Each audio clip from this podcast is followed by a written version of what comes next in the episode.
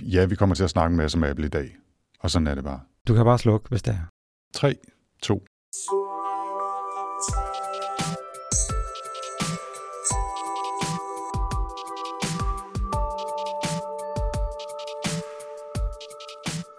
Velkommen til Superdigital, podcasten, der ser på ugens vigtigste teknyheder gennem begge brilleglas.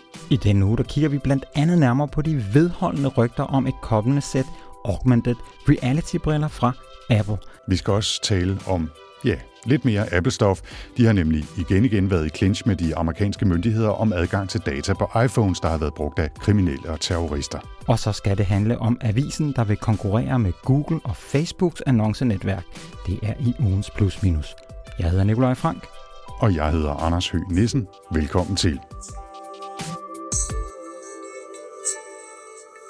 Men inden vi går rigtig i gang, Nick, så skal vi lige have en opfølger på vores snak om router i sidste uge. Jo, fordi at jeg snakkede jo om øh, to forskellige router. Den ene er den her med det helt fabelagtige navn Asus Zen Wi-Fi XT8AX 6600. Og den anden fra Google, det var jo den, der bare hed Nest Wi-Fi. Men Asus-routeren, som vi snakkede om, det var som bekendt en Wi-Fi 6 router, mens Google-routeren var af den ældre Wi-Fi 5 standard. Og jeg nævnte i sidste uges episode, at min iPhone, som er den eneste enhed i mit hjem, der kører Wi-Fi 6, at den fik omkring 500 megabit per sekund upload-hastighed, mens at Google-routeren fik 450. Det jeg bare lige vil tilføje her, det er, at Wi-Fi 6, det er altså ikke den hellige gral, fordi min MacBook Pro, som er fra 2017, og som overhovedet ikke har noget Wi-Fi 6, den kan faktisk levere hastigheder op på 750 megabit per sekund på den, på den her Asus router, så den er altså hurtigere end telefonen, på trods af, at den ikke har Wi-Fi 6. Så man, man skal altså ikke tro, at man bare får øh, helt fantastiske hastigheder ved at købe en Wi-Fi 6 router, eller nødvendigvis ved at købe et Wi-Fi 6 device. Der er mange andre elementer, som, som ligesom spiller ind der, så det var bare lige sådan en præcisering, og så ikke mere routersnak i et godt stykke tid. Skal vi ikke sige det, Anders? Det er en aftale.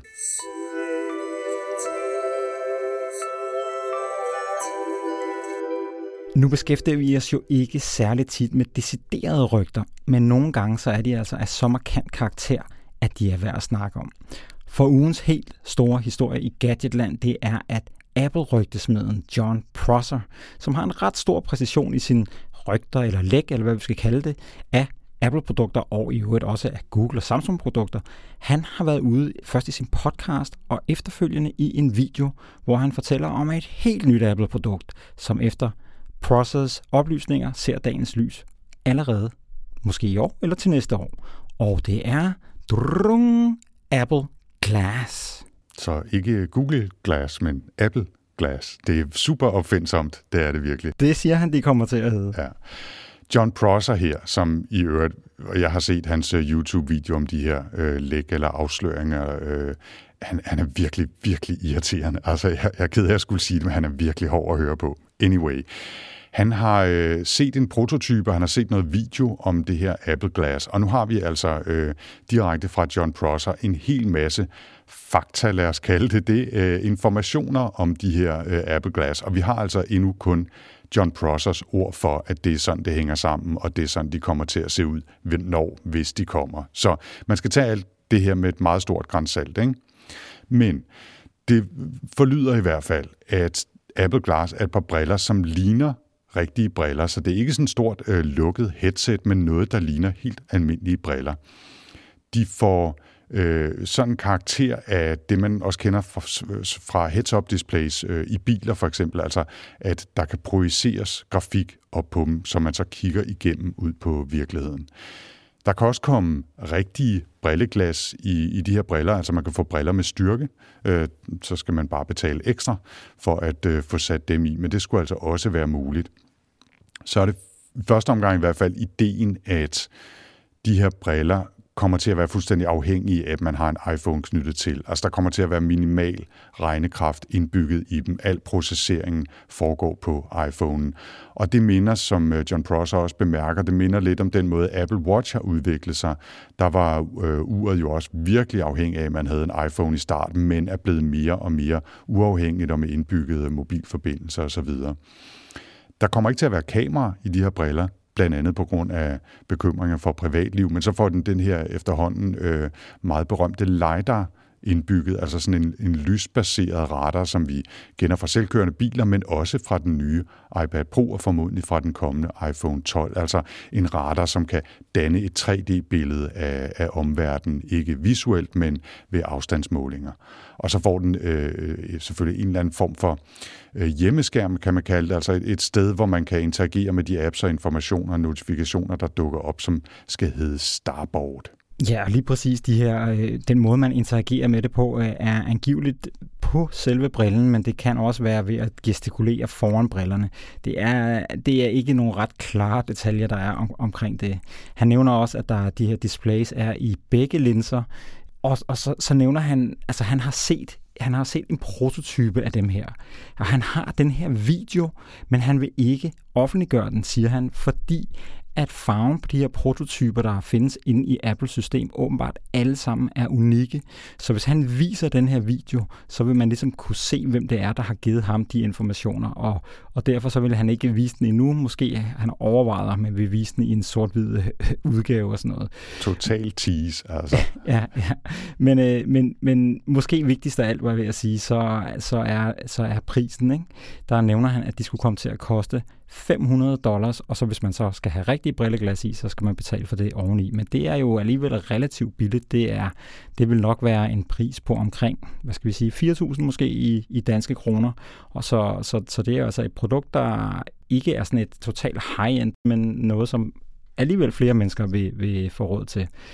Det, som han siger, er, at de måske allerede bliver vist frem her i efteråret sammen med iPhone 12 lanceringen, som skulle foregå i oktober efter hans oplysninger. Men det kan også være, at det bliver skudt til marts næste år. Anyways, så er det jo tænkt som den her store one more thing, som ligesom slutter hele, hele øh, sådan en klassisk Apple-event af.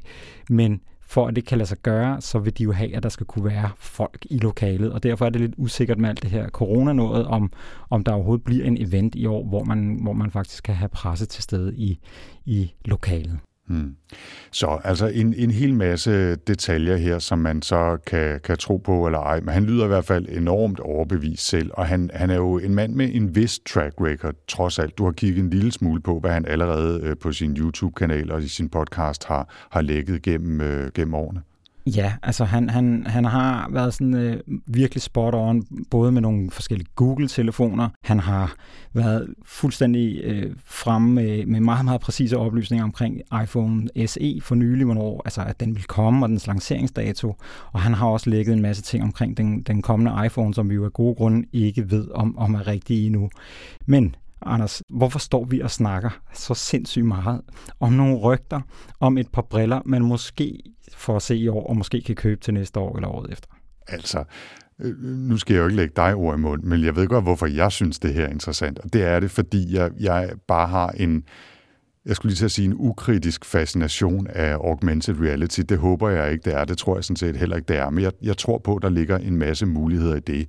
I hvert fald øh, for nogen af os. Det er jo ikke alle, der synes, det for eksempel er fedt at gå med et smartwatch, men der er nogen, der gør det, og nogen, for nogen har det rigtig stor værdi. Og sådan tror jeg også, det er med de her augmented reality-briller. Og så må man jo bare erkende, at på godt og ondt, så er Apple et af de meget få firmaer i verden, som for alvor kunne presse det her ud og gøre det interessant og brugbart for en hel masse mennesker, hvis de vælger at gøre det. Og derfor er det selvfølgelig interessant, hvis, hvis Apple har et, øh, et sæt Apple Glass augmented reality-briller på vej. Ikke? det, som jeg tænker, er, at i forhold til, hvor mange øh, ting han ved om de her briller, og i forhold til, at han har set en video, så fortæller han utrolig lidt om, hvad det, hvad pokker det er, de skal bruges til. Altså, hvad er det, vi skal bruge de her briller til? Hvad er det, vi skal se i de her glas? Altså, nu spekulerer vi bare her. Ikke? Nu bliver det meta med virkelig metasovs på, ikke? fordi mit gæt er, at han har set øh, de her briller, men han ikke har prøvet dem. Han har ikke rigtig set dem i brug. Han har bare fået demonstreret nogle ting, de kan, og fået fortalt nogle andre ting. Ikke? Og det er selvfølgelig et scoop i sig selv i den øh, verden, hvis man synes, den slags er sjovt. Ikke?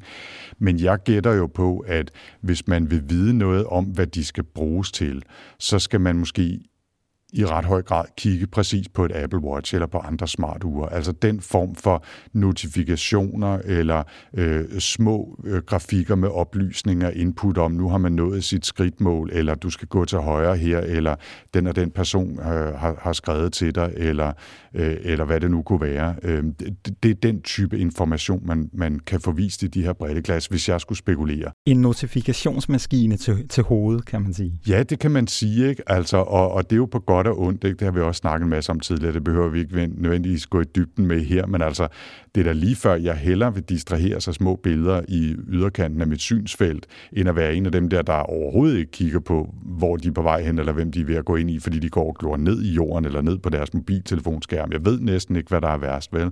Og, og selvfølgelig skal man have mulighed for at slå alle de der ting fra, og så videre, men jeg kunne da sagtens forestille mig, at det vil, at det vil fungere, i hvert fald for mig i hverdag. Det er alligevel lidt vildt at, at tænke sig, ikke? at hvis, øh, hvis de her briller kommer, og at folk begynder at gå med dem, øh, så som, som du nævnte, så øh, virker de kun, hvis man har en iPhone, for det er der computerkraften den kommer fra.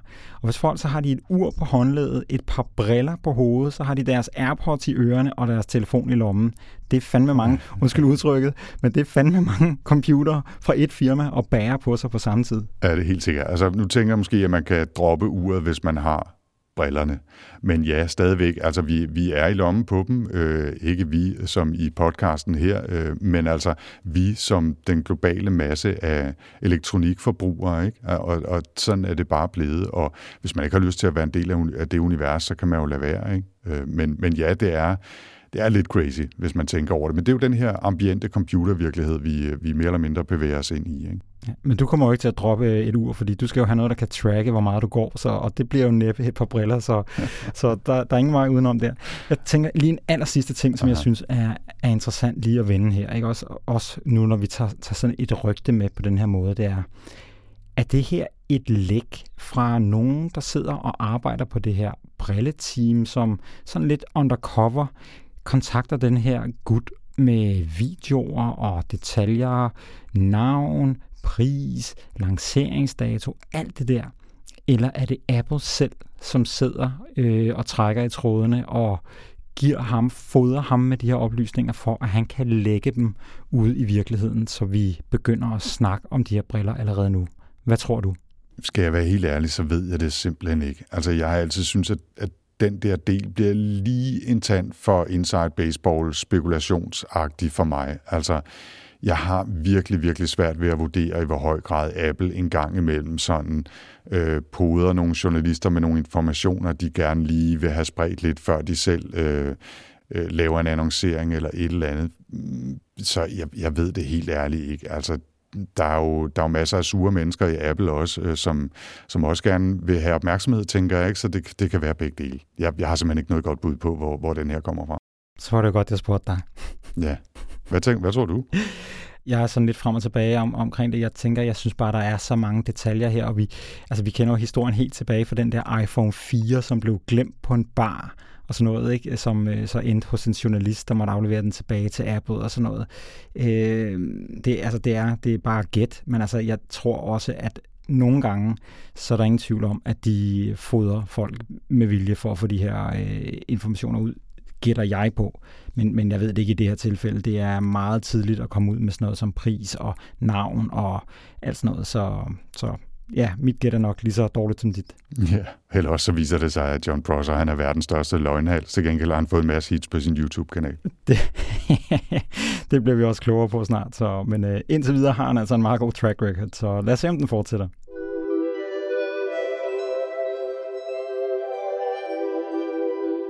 Og så blev det tid til ugens korte nyheder. Ja, og det er efterhånden ikke mange ting fra hverdagen, som Facebook ikke kan og vil tage sig af. Først købte de Giphy forleden og har nu et fast greb i de millioner af brugere, der deler små grafikanimationer alle vejen. Og de lancerede også i sidste uge, tror jeg det var, videochatten Messenger Rooms, som skal konkurrere med FaceTime og Zoom og Skype og alle de andre videotjenester, der slås for tiden. Men den nyeste hammer i værktøjskassen, det er Shops. En feature, som gør, at man kan lave en Facebook- eller Instagram-side om til en digital butik, så personen eller firmaet bag kan sælge sit håndarbejde eller kosmetik eller fjolstrækker eller hvad det nu er, de gerne vil sælge. Og det er så alt sammen fint nok, kan man sige. Og det kan jo være en god hjælp til folk, der lever for eksempel af at sælge deres håndarbejde eller andre små øh, produktioner. Men i VentureBeat, der kunne man i kølvandet på annonceringen af shops også læse, hvordan Facebook virkelig giver den max gas med AI-analyse af fotos og video på siderne i Instagram og Facebook med Facebook Shops. Og de har altså udviklet nogle virkelig avancerede billedgenkendelsesalgoritmer, som kan finde og genkende millioner af forskellige objekter og produkter.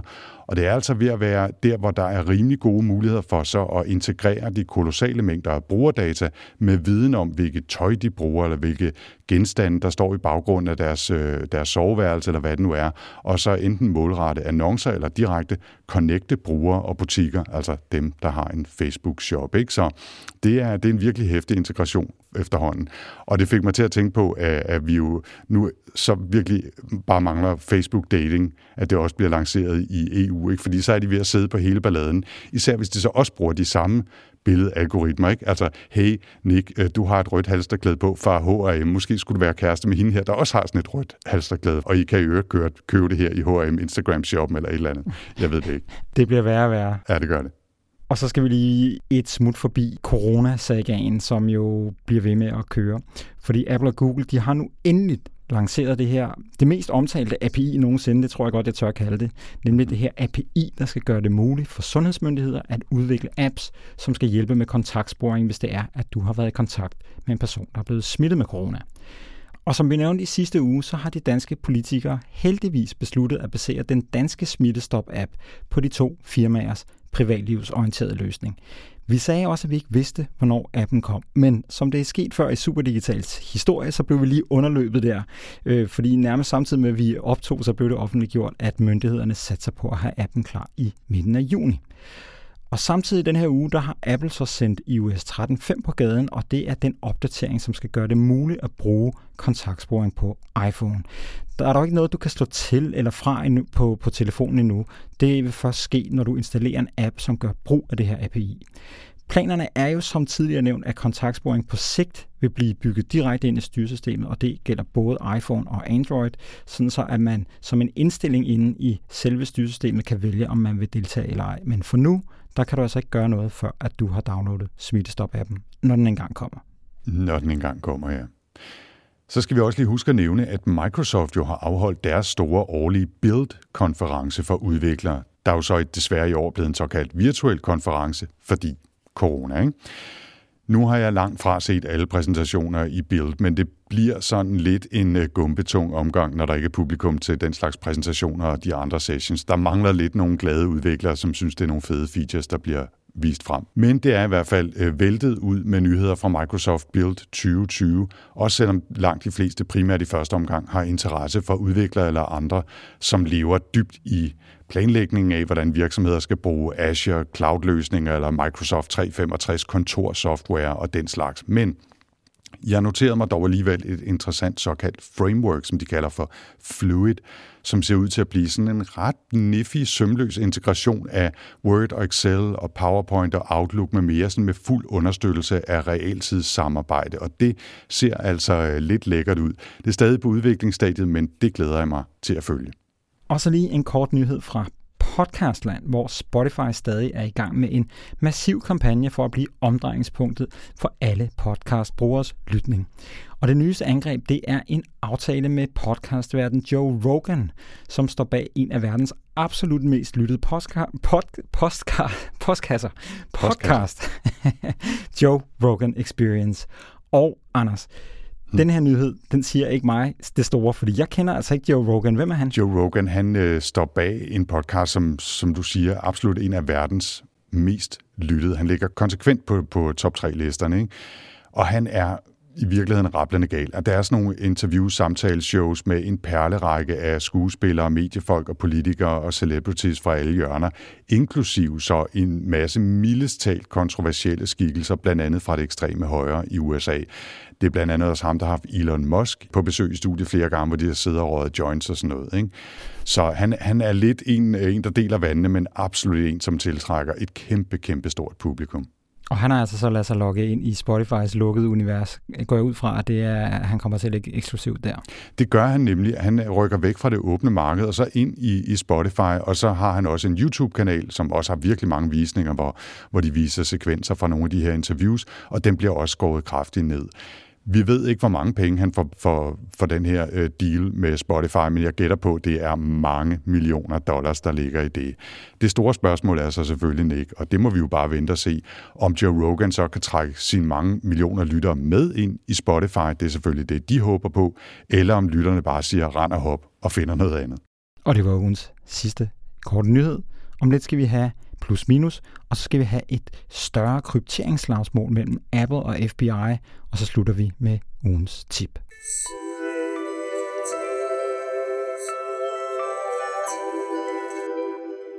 Så skal vi til at dele karakterer ud, Anders. Det er tid til ugens plus minus, som jo er en historie, der deler vandene og viser, at verden er kompleks. Det gør den i hvert fald i den her uge. Ja, og denne her gang, der skal det handle om New York Times, som vil til at konkurrere med Google og Facebook, når det handler om personalisering af annoncer.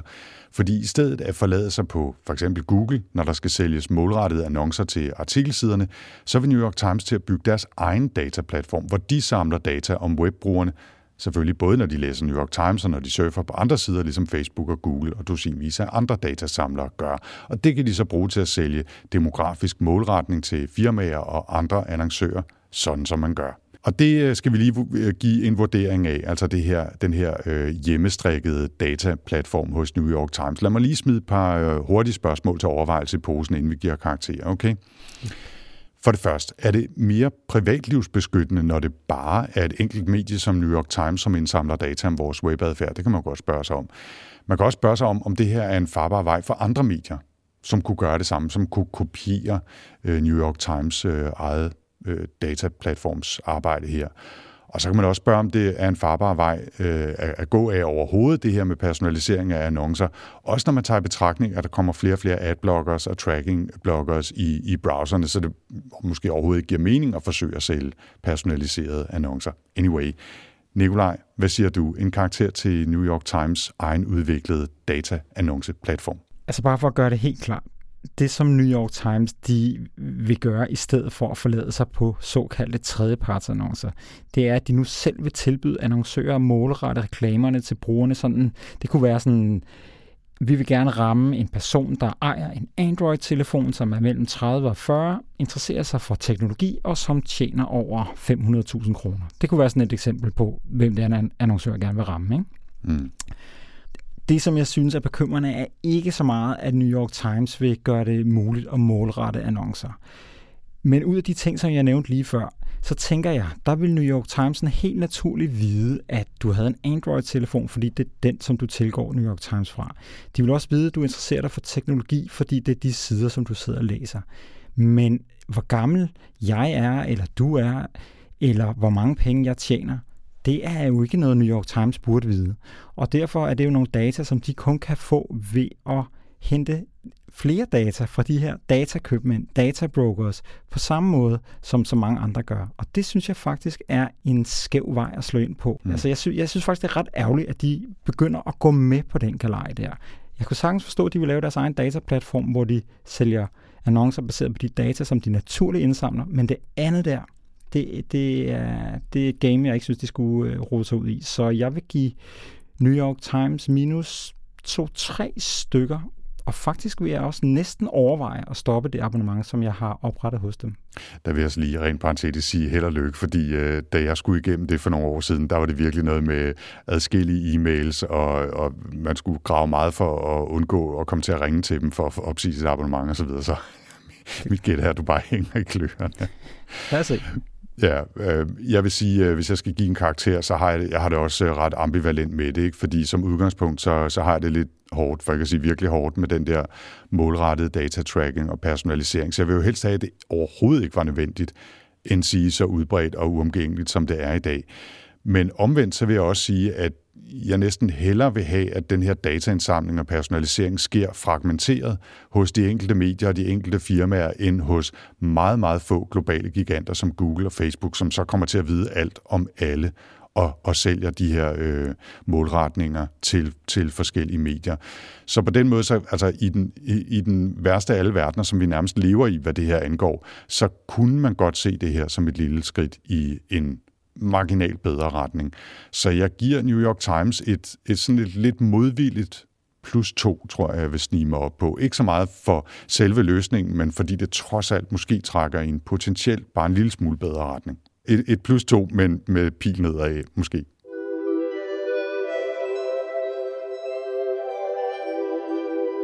Og så skal vi til vores øh, anden tophistorie, og ja, det handler altså om Apple igen, så er det bare blevet den her uge. Men Nick, fortæl os, hvad det handler om, den her evige saga om Apple mod de amerikanske myndigheder.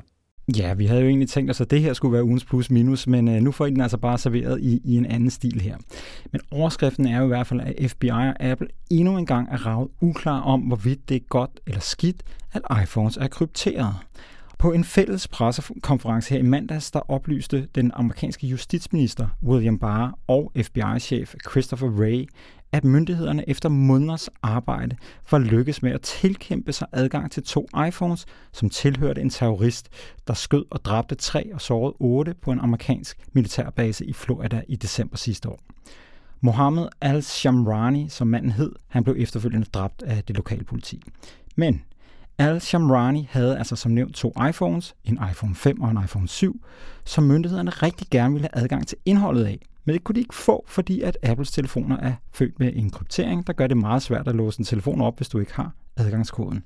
Men det er altså lykkedes for myndighederne, eller som justitsminister William Barr formulerede det, takket være fantastisk arbejde af FBI, og ingen tak til Apple, har vi været i stand til at låse Al-Shamranis to telefoner op. Ja, og FBI-chefen og justitsministeren kunne samtidig meddele, at de på telefonerne havde fundet direkte kommunikation mellem al-Shamrani og al-Qaida, og de sagde, at den her seneste kommunikation var foregået dagen inden angrebet, og at oplysningerne, de fandt på telefonen efterfølgende, er blevet brugt til at udføre antiterroraktioner i Yemen. Justitsminister bare fulgte op med at kalde det en stor skuffelse, at Apple ikke havde hjulpet myndighederne, som han beskyldt for øh, af marketing- og forretningsmæssige årsager at designe telefoner på en måde, så kun brugeren kan åbne den, uanset omstændighederne. Og her har vi så et citat fra Bare. I sager som denne, hvor brugeren er terrorist, eller i andre sager, hvor brugeren er voldelig kriminel, menneskehandler eller pædofil, der har Apples beslutning farlige konsekvenser for offentlighedens sikkerhed og for den nationale sikkerhed, og er efter min mening uacceptabel, sagde altså William Barr. Ja, og så kom Apple jo ellers på banen med en kopi af en udtalelse, de tidligere har sendt ud om det samme emne. Og først og fremmest så siger Apple, at de både i den pågældende sag og også i tusindvis af andre sager hjælper FBI med adgang til de data, som de rent faktisk ligger inde med. Det kunne være sådan noget som en iCloud backup. Men derudover der afviser Apple igen at gå på kompromis med krypteringen af iPhone. De skriver, at de ikke vil lave en, den her bagdør, altså svække krypteringen, som skal give myndighederne adgang, fordi at den vil gøre alt Apples udstyr sårbart over for folk, der både altså, tror den nationale sikkerhed og også kundernes datasikkerhed. Apple de skriver, der findes ikke en bagdør, som kun virker for the good guys. Ja, det er jo øh, stort set en kopi af en lignende sag fra 2015, hvor terrorister skød og dræbte en masse mennesker i San Bernardino, hvor Apple og FBI endte i retten, fordi FBI krævede, at Apple skulle bygge den her meget omtalte bagdør ind i deres styresystem og hjælpe dem med at knække telefonerne. Den sag blev dog droppet inden domsafsigelsen, fordi de også dengang, altså FBI dengang, havde succes med at låse den iPhone 5C op, som tilhørte en af terroristerne fra San Bernardino. Bernardino-angrebet det er lige værd at nævne her, at, at grunden til, hvorfor de så brokker sig over det, når de nu igen har haft succes med at, at låse de her telefoner op mm. på trods af krypteringen, det er, at krypteringen er blevet markant kraftigere siden de her øh, ældre telefoner, som altså har været iPhone 5 og iPhone 7. Så det er altså ikke en løsning, som de kan bruge fremadrettet. Mm. Men grunden til, at jeg synes, at den her historie den er så vanvittigt interessant, Anders, det er jo, at den sætter fokus på et af tidens sådan helt store spørgsmål. Fordi skal Apple eller et tilsvarende privat aktieselskab, altså det kunne lige så godt have været Google eller Facebook eller Amazon eller nogen andre, skal de selv kunne sætte rammerne for, hvordan deres hardware og software skal kunne bruges. Altså uagtet, at det måske har betydning for opklaring af terrorsager og voldsager og børnemishandling og alt det der. Altså, fordi problemstillingen den stopper jo ikke her ved kryptering. Altså, der er jo nogle meget klare paralleller også til den her sag om, om den her corona-app, som vi har snakket rigtig meget om. Der vil Frankrig jo have Apple til at slække på de her begrænsninger i brugen af Bluetooth. Og der sagde den franske digitaliseringsminister, som hedder Cedric O, med lidt engelsk udtale, jeg ved ikke, hvad han hedder på fransk. Cedric O? Ja, at han, ikke, han, han sagde, at han ville ikke lade Apple diktere, at den her decentrale løsning, altså den her løsning, som det her Apple-Google API understøtter, at det skulle være den eneste løsning, Frankrig kunne vælge, hvis det skal virke ordentligt på iPhone. Og så, så citerer jeg ham lige her, han siger, politisk suverænitet er ingenting uden teknologisk suverænitet. Så derfor, Anders, så det jeg gerne ville have stillet som spørgsmål i, i, i det, der havde været en meget lang introduktion til en plus-minus, det var, altså, skal kryptering i vores telefoner svækkes, så myndighederne kan få adgang til indholdet i kriminal- eller terrorsager? Og for den sags skyld også, hvis vi snakker om det her med corona-appen, altså, skal Apple bare have lov til at blokere det? Eller, eller skal myndighederne ligesom kunne sige, hertil er ikke længere? Øh, det korte svar er nej. Det lidt længere svar er aldrig i livet. Og det lidt længere svar igen er, at nej, jeg synes absolut ikke, at øh, Apple skal indbygge en bagdør, eller at Google skal gøre det, eller nogen andre skal indbygge en bagdør i deres krypterede teknologi. Den slags øh, kommer uundgåeligt til at blive misbrugt og falde i hænderne på de forkerte. Og problemet er, som Apple også nævner, at, at der i den digitale verden bare ikke er nogen mulighed for at lave undtagelser, altså der kun gælder for nogen. Der, man kan ikke give den her nøgle kun til nogen, og så bare håbe på, at den ikke falder i, i hænderne på nogen andre. Og på den måde adskiller kryptering og begrænsning af Bluetooth så faktisk ikke, fordi hvis man først lukker bare en lille smule op, så er der i princippet åbent for alle. Så kan man selvfølgelig sige, at, at vi er i en situation, hvor det er en lille smule mærkeligt, at, at øh, det er et af verdens største tech-selskaber og aktieselskaber, som, som er dem, som må sige stop, og som må forsvare brugernes privatliv og kryptering af, af deres telefoner i det her tilfælde og deres data, mens både amerikanske og europæiske myndigheder og ledere kæmper imod. Det virker sådan lidt bagvendt i forhold til, hvad vi har snakket om de sidste tre år. Ikke? Det er nemlig meget, meget bagvendt, men når vi nu snakker om det der med at vende tingene på hovedet, så lige nu her, der siger du, at øh, når man Apple de gør det rigtige, og jeg er sådan set enig med dig. Jeg mener absolut, at vi skal have krypterede øh, telefoner, så vi kan have vores øh, data privat. Og der kan også være, mm, altså, der kan være, hvad ved jeg, altså journalister måske i, i lande, hvor, at, øh, hvor at sikkerheden er, er, er virkelig hardcore for dem. Der, kan være, der er mange mennesker, der får fuldt rundt omkring i verden, der virkelig kan have brug for en krypteret telefon. Men det, som jeg synes er måske den interessante krølle på halen her, det er, hvad nu hvis det var omvendt? Hvis Apple insisterede på, at de ikke ville kryptere telefonerne, og at det var myndighederne, der ville have dem til at stramme op, så vil vi jo sige, at det er helt uacceptabelt, at det her teknologifirma, de skal have lov til at, at styre, hvordan verden hænger sammen, eller hvad? Ja, det vil, vi, det vil vi sige var fuldstændig urimeligt, men så ville vi også kunne vælge noget andet. Altså, så vil vi kunne vælge et andet produkt. Jamen, der er jo andre produkter. Der er, der, du kan vælge en iPhone eller en Android, ikke? Ja, eller hvis, hvis de virkelig overhovedet ikke krypterer, men bare lader lad alle myndigheder få fuld adgang til at være, så vil jeg bare lade være med at bruge en telefon, ikke? Altså, altså det, det, på den måde hvor, hvor vi jo må vi jo også være med til at tage et valg, og her har vi faktisk mulighed for at tage et valg. Ikke? Kunne man ikke forestille sig, at der simpelthen bliver dikteret på et tidspunkt sådan fra politisk hold, for eksempel i USA, at man ikke må have kryptering i telefoner? Altså det er der jo adskillige øh, øh, mennesker, der har prøvet at få vedtaget som lov, og hvis det bliver lov, så må vi jo forholde os til det. Så længe det ikke er lov, så, så er de deres gode ret til at sige nej. Og, og de har jo også været i deres gode ret til at sige, nej, vi vil ikke ombygge Bluetooth-funktionen i vores øh, telefoner, fordi I kommer og siger det, fordi det, det tror vi er en, er en rigtig dårlig idé. Hvis det var en lov, måtte de jo forholde sig til det, men så skal det jo gennemføre en, gennemføres i en eller anden demokratisk proces, og derfor synes jeg i virkeligheden ikke, det er særlig kompliceret, den her diskussion, vi har haft om, om adgang til Bluetooth i forbindelse med de her corona-apps. Jeg, jeg synes egentlig, den er, fuld, den er rimelig straight. Altså selvfølgelig skal de ikke gøre det, bare fordi der kommer nogen og spørger. Altså, det, det, det kan jeg slet ikke se skulle være et problem. Okay. Så mm. synes jeg bare, at vi lægger den ned her. Men uh, en, det, er, det er en, jeg synes, det er en af tidens helt store ting, den der med, hvem er det, der bestemmer? Er det tech-firmaerne eller politikerne?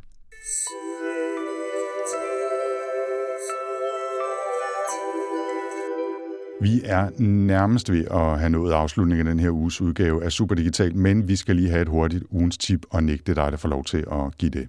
Ja, det er et lidt særligt tip, fordi at, at det er et tip, som vi lidt har tippet til en gang før. Det er nemlig et stykke software, der hedder Notion, som vi i åbenhedens øh, navn bruger til at, at skrive vores manus til Superdigital.